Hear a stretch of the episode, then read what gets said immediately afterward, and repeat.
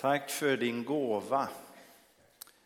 Eh, jag vill eh, understryka detta att Alfa börjar på onsdag. Eh, grundkurs i kristen tro med mat, föredrag och samtal där alla frågor är tillåtna. Och en jättebra grej att bjuda med sig på. Det är en prova på-kväll första gången. Och även gudstjänsten söndag 1 oktober, då är det gudstjänst tack och lov. Det är alltså gudstjänst och tacos. Eh, tack och lov. Och då börjar vi 11. Kom ihåg det redan nu. Om ni i husvagnsklubben är ute igen så börjar det 11 då. Eh, och eh, så passar det bättre med tacostiden. Och det är en bra bjud med gudstjänst. Eh, för nytillkomna tittare, när jag har predikat efter, eh, efter semester och sommar så har jag haft ett underliggande tema. Från hörare till görare. Eller egentligen att vara hörare och görare. Jag predikar från Jakobsbrevet, bli ordets görare, inte bara dess hörare, annars tar ni miste. Det vill säga att det vi hör också får faktiska konsekvenser i våra liv. Vad är det för konsekvenser det ska få? Ja, vi, har stannat vid ett nyckelord som återkommer från första Petrus 4.10. Tjäna varandra, var och en med den nådegåva han har fått, som goda förvaltare av Guds nåd i dess många former. Och jag har sagt att jag kommer upprepa mig och jag hoppas du börjar kunna det här utan till. För att vi ska gå från att bara vara hörare till att också vara görare. Och tror du på Jesus så har han lagt ner nådegåvor i ditt liv som vi ska få tjäna varandra och andra med. Om du är nyfiken på de predikningarna och inte hört dem så finns de på vår hemsida Equmeniakyrkan Ulricehamn. Och jag ska fortsätta på det här temat från hörare, eller hörare och görare och utifrån Jesu liknelse om sådden. Lyssna från Matteus 13 och 3. Där Jesus säger. En man gick ut för att så. När han sådde föll en del på vägkanten och fåglarna kom och åt upp det. En del föll på de steniga ställena där det inte fanns mycket jord och det kom fort upp eftersom myllan var tunn. Men när solen sver, steg sveddes det, sveddes det och vissnade bort eftersom det var utan rot. En del föll bland tistlarna och tistlarna växte upp och kvävde det. Men en del föll i den goda jorden och gav skörd hundrafalt och sextiofalt och trettiofalt. Hör du som har öron. Det som är så bra för mig som predikant att predika över den här liknelsen, det är att Jesus förklarar ju liknelsen sen för lärjungarna. Så halva jobbet är gjort. Det är väldigt bra. Och vi kommer snart till när Jesus förklarar liknelsen och får veta att det mannen sår, det är ordet om Guds rike. Och hur detta ord tas emot eller inte tas emot. Alltså hinder för att gå från hörande till görande. Men innan vi kommer dit så ställer lärjungarna en fråga till Jesus. Och de frågar inte, deras första fråga är inte vad betyder det här? Utan deras fråga är varför talar du till dem i liknelser? Och Jesus han svarar, ni har fått gåvan att känna himmelrikets hemligheter, men det har inte det andra. Till den som har, han ska få och det är överflöd. Men den som inte har, från honom ska tas också det han har. Därför talar jag till dem med liknelser. Ty fast det ser, ser det inte och fast det hör, hör det inte och förstår inte. Ofta brukar vi säga att vi använder liknelser för att vi lättare ska kunna förstå andliga verkligheter. Alltså med bilder av det synliga så försöker vi förklara det osynliga. Men Jesus svar är ju inte så entydigt. Nästan lite tvärtom. Det verkar som att liknelsernas syfte verkar åt två håll. Ni ska förstå, men andra inte. man får nästan intryck av att det verkar avsiktligt att en del inte ska förstå. Och dessutom med en ytterligt dålig fördelningspolitik. Ty den som har, han ska få och det är överflöd. Men den som inte har, från honom ska också tas det han har. Alltså jag trodde att Bibelns budskap är att den som har ska dela med sig till den som inte har. Inte att det ska liksom bli tvärtom.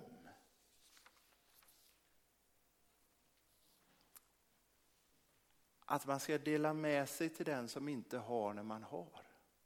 Det är en av de grundläggande dogmerna i Bibeln. Men Jesus talar inte om att avsiktligt undanhålla budskapet om Guds rike för någon. Tvärtom. Vad, vad sa liknelsen? Jo, den talar, talar ju om hur ordet ges ut överallt. Inte i någon beräknande, nej den där är ändå inte intresserad, där, där satsar vi inte, utan vi, vi satsar bara här liksom, där, där vi får mest valuta för insatsen. Nej, ordet sås ut överallt. Även om det inte blir något görande, alltså någon skörd. Nej, istället så handlar liknelserna om möjligheten att säga nej. Om den som hör inte vill veta mer så kan man bara avfärda det. Ja, det där var ju en, en märklig liknelse om jordbruk. Och sen gå vidare till något annat. Alltså det man har, liknelsen man har hört, tas ifrån en. Men om man undrar, hur kan någonting ge hundrafaldig skörd? Det är det enda som sticker ut i liknelsen. Det andra var precis som det brukar vara i ett vanligt jordbruk på Jesu tid. Men om man undrar, hur kan det komma sig? Och söker vidare. Vad skulle det här kunna innebära i mitt liv? Ja, då får man behålla liknelsen man har och man kommer få ännu mer. Hemligheten med Guds rike. Alltså det Jesus säger här, det är avgörande för nyckeln att gå från hörande till görande. Även om man inte är framme, men utifrån det man är att man vill göra någonting med det man hört. Och man tar ett steg i den riktningen. Det är den avgörande nyckeln för att gå från hörande till görande. Och så kommer Jesu förklaring av själva liknelsen. Visst brukar vi kalla det för liknelsen av den fyrahanda sådden. Eller är det bara jag som har fantiserat ihop det? Det är ingen som känner igen det?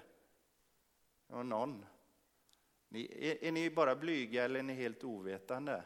Nej, ni bara känna igen det. Men det är bra att ni inte kommer ihåg det, för det, det är ju lite missvisande. För för mig, i mina öron, så låter det som att det är fyra olika sorters sådd. Men det är det ju inte. Det är ju samma sådd som hamnar i fyra, fyra olika sorters jordmån samma sådd i olika jordmån. Och så lyssnar vi till Jesu eh, förklaring. Var gång någon hör ordet om riket utan att förstå kommer den onde och snappar bort det som blir sått i hans hjärta. Det är sådden på vägkanten. Sådden på de steniga ställena, det är det som hör ordet och genast tar emot det med glädje men inte har något rotfäste inom sig utan blir är flyktig. Blir det lidande och förföljelse för ordets skull kommer han genast på fall.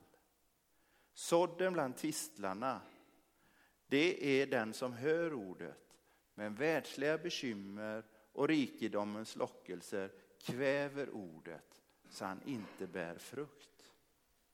Men sådden i den goda jorden, det är den som hör ordet och förstår och han bär frukt hundrafalt och sextiofalt och trettiofalt. Jesus visar på tre hinder för att gå från hörande till görande. I mina förberedelser upptäckte jag, att jag hinner bara med ett. Så jag kommer återkomma med de två andra. Så husvagnsklubben, ni måste komma tillbaka. När det går på nätet också. Jag vet inte riktigt när det blir. Och när vi ska titta på det här första hindret, att ordet hamnar på vägkanten, så ska vi inte bara tänka oss, ja det är en viss sorts människor som, som där ordet hamnar på vägkanten och att det är en viss sorts människor där det hamnar i, i grund jord och en viss sort där, det hamnar, där tistlarna växer upp och så en fjärde sort där det bär god frukt. Utan att vi också ska tänka att, att varje jordmån, alla de här fyra jordmånarna, att alla de möjligheterna finns i mitt liv. I alla fall är det min erfarenhet. Jag kan se alla jordmånerna i mitt eget liv.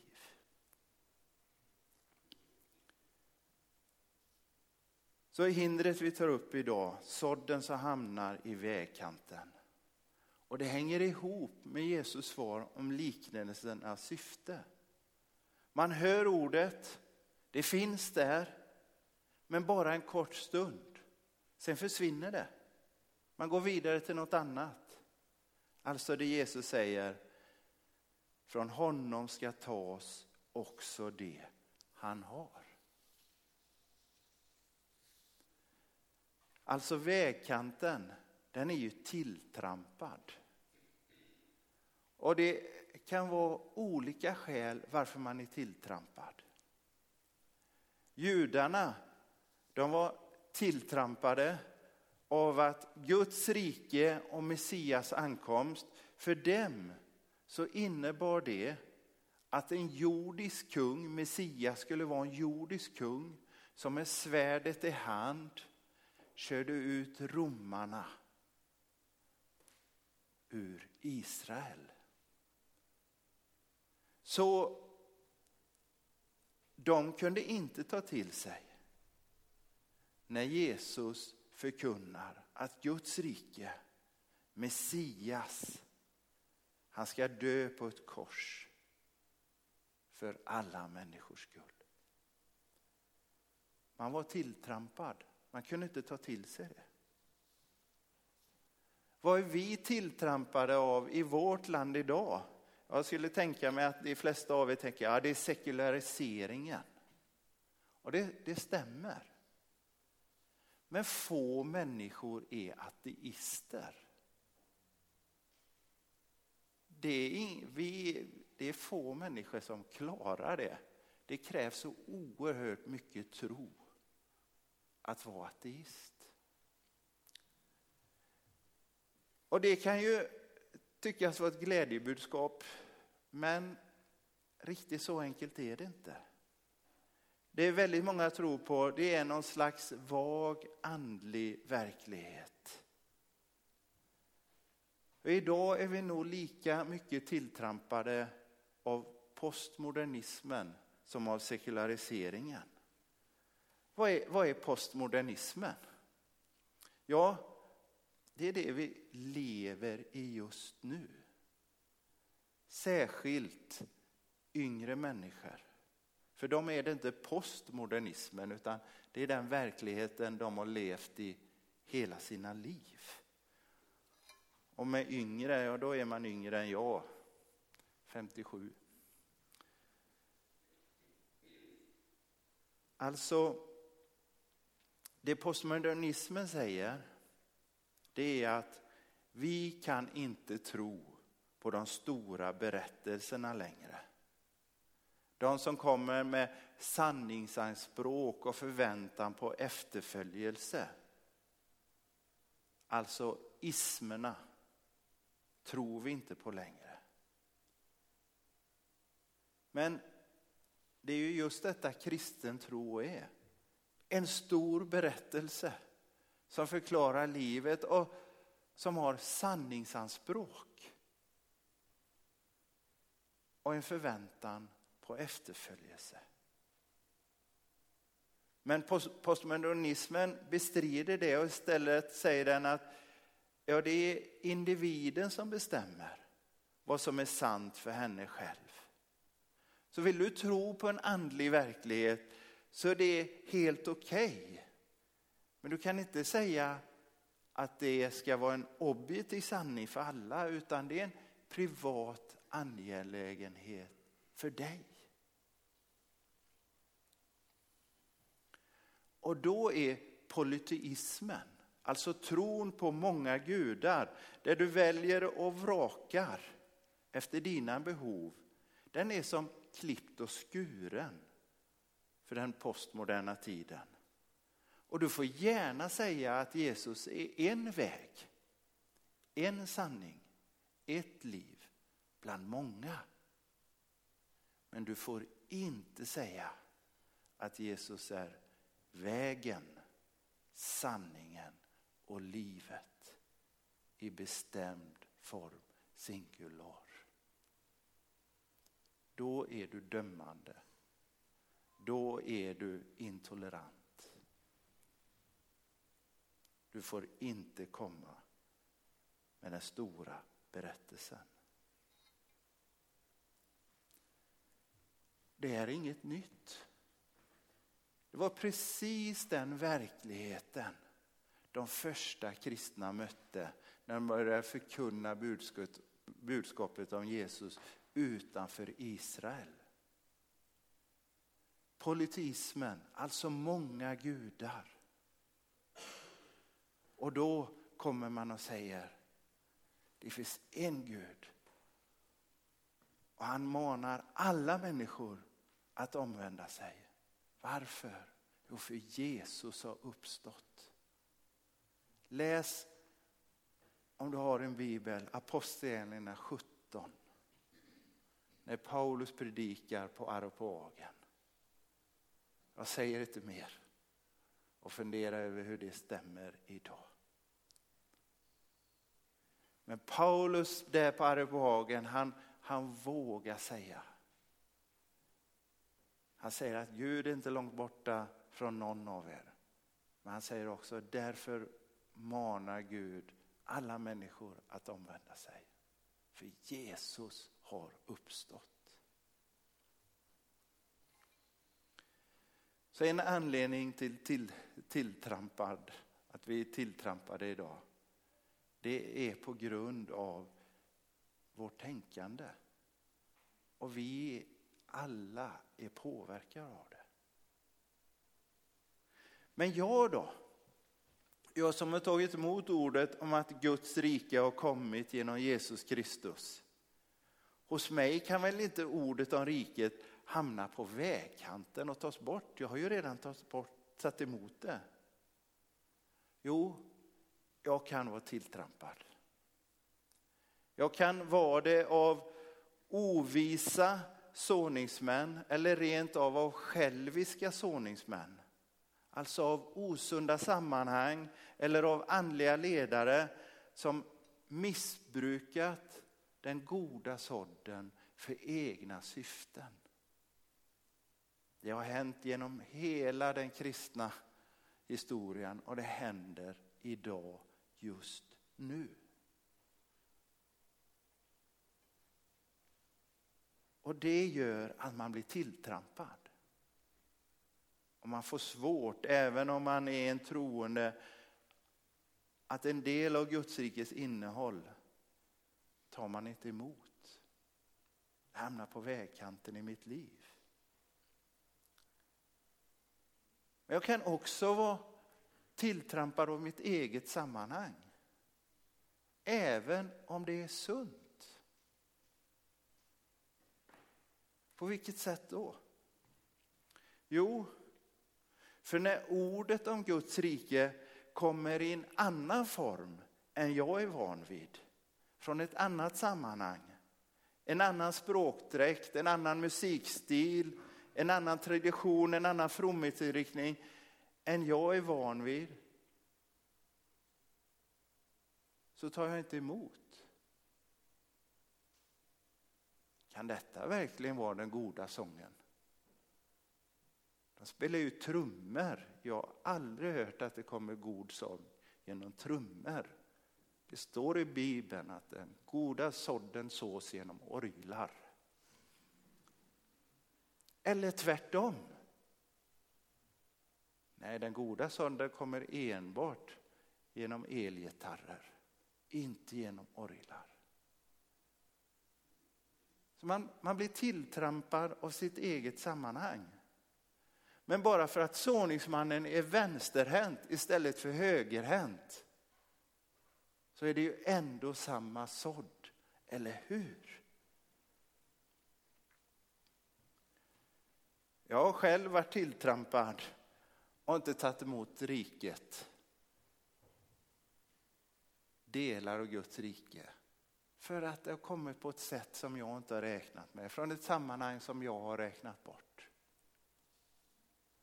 När jag eh, var pastor i Vårgårda på kontoret där så hade jag en, en devis på anslagstavlan. Ha tålamod med mig, Gud är inte färdig med mig än. Men nu när jag kommer till Ulricehamn, kommer till Ulricehamn behöver jag inte ha uppe den längre. Nu är jag färdig. Nej, nej, nej. Men tänk, Gud ger inte upp med mig. Gud ger inte upp med mig. Att vara en Jesus troende, det är att alltid få en ny chans om man vill. Att inte vara färdig utan vara på Guds drejskiva, formas av hans hand. Det kommer en, en spännande film nu på, på bio som äntligen har fått eh, premiär i Sverige. Det visar vilket land vi bor i, för det tog väldigt lång tid. Den heter The Jesus Revolution och handlar om hur Jesusrörelsen kommer i USA. Och då var det verkligen att sådden gick från högerränta till vänsterränta. Det var fel va? Eh, Eh, en spännande film som jag, som jag ska se och jag tror att eh, den är sevärd.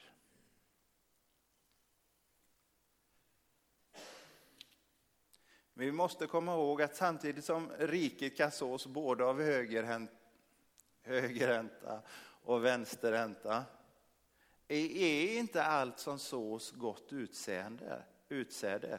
I en liknelse strax efter så berättar Jesus om hur en fiende medvetet sår ogräs mitt i vetet. Vi ska inte ta emot allt som sås, även om det kommer i from förpackning. Det behövs urskiljning. Och vi behöver varandra och vi behöver Bibeln, Guds ord. Och även i vår liknelse så talar ju Jesus om en fiende. Det är den onde som tar bort ordet. Vi behöver komma ihåg att det handlar om en andlig verklighet där vi behöver bearbeta jordmånen. Och så här säger Jesus i en liknelse i Lukas 13.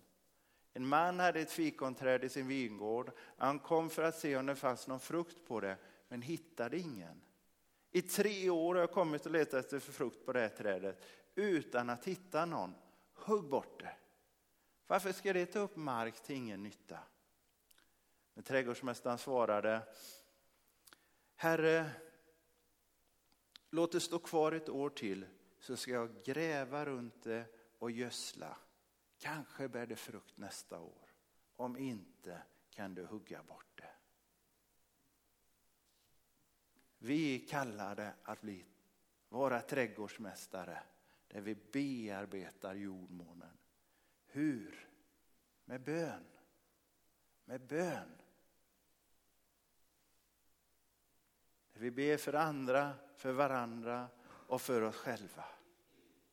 Men också genom att själva bli såningsmän och så in ordet i andras liv genom vårt vittnesbörd. Jag tror på Jesus. Jag tror att Jesus är vägen, sanningen och livet. Det står dig helt fritt att tro vad du vill. Det finns en möjlighet att säga nej. Det ligger i evangeliet kärna, det är det vi har hört. Men det tror jag på. Och jag tror det är sant. Men så också in ordet i ditt liv. Genom att gå på gudstjänst, men också genom att läsa Bibeln. Och jag brukar säga att en, ett bra sätt är att läsa genom med en andaktsbok. Men jag skulle vilja utmana dig och säga skippa andaktsboken. Särskilt om du har varit kristen länge och läs Bibeln direkt. Varför? Jo, för om du tror på Jesus, då har du fått den heliga ande och Jesus lovar att han ska vägleda oss med hela sanningen. Läs Bibeln direkt. Du är myndigförklarad av Jesus och han vill tala till dig genom sitt ord. Läs inte bara en vers, du behöver inte läsa massor med kapitel, men läs ett sammanhang.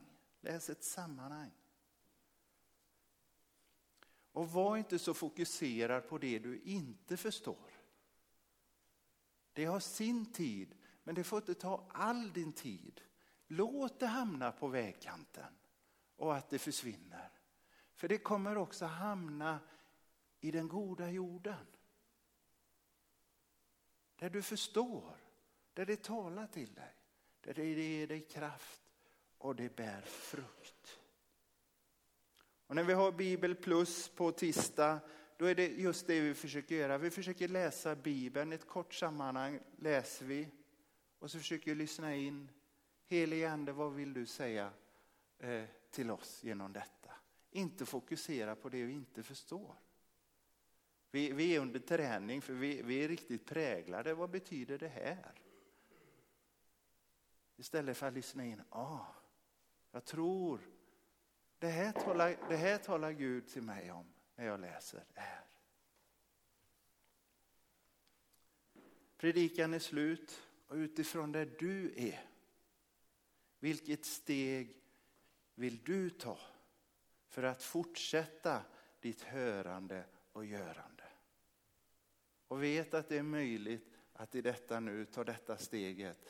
Och låt ditt ord komma in i mitt liv. Jesus, jag vill ta emot dig och bli din efterföljare. Amen. Herre, låt ditt ord verka till det du har sänt ut det. I Jesu namn. Amen. Och så sjunger vi tillsammans psalm 785.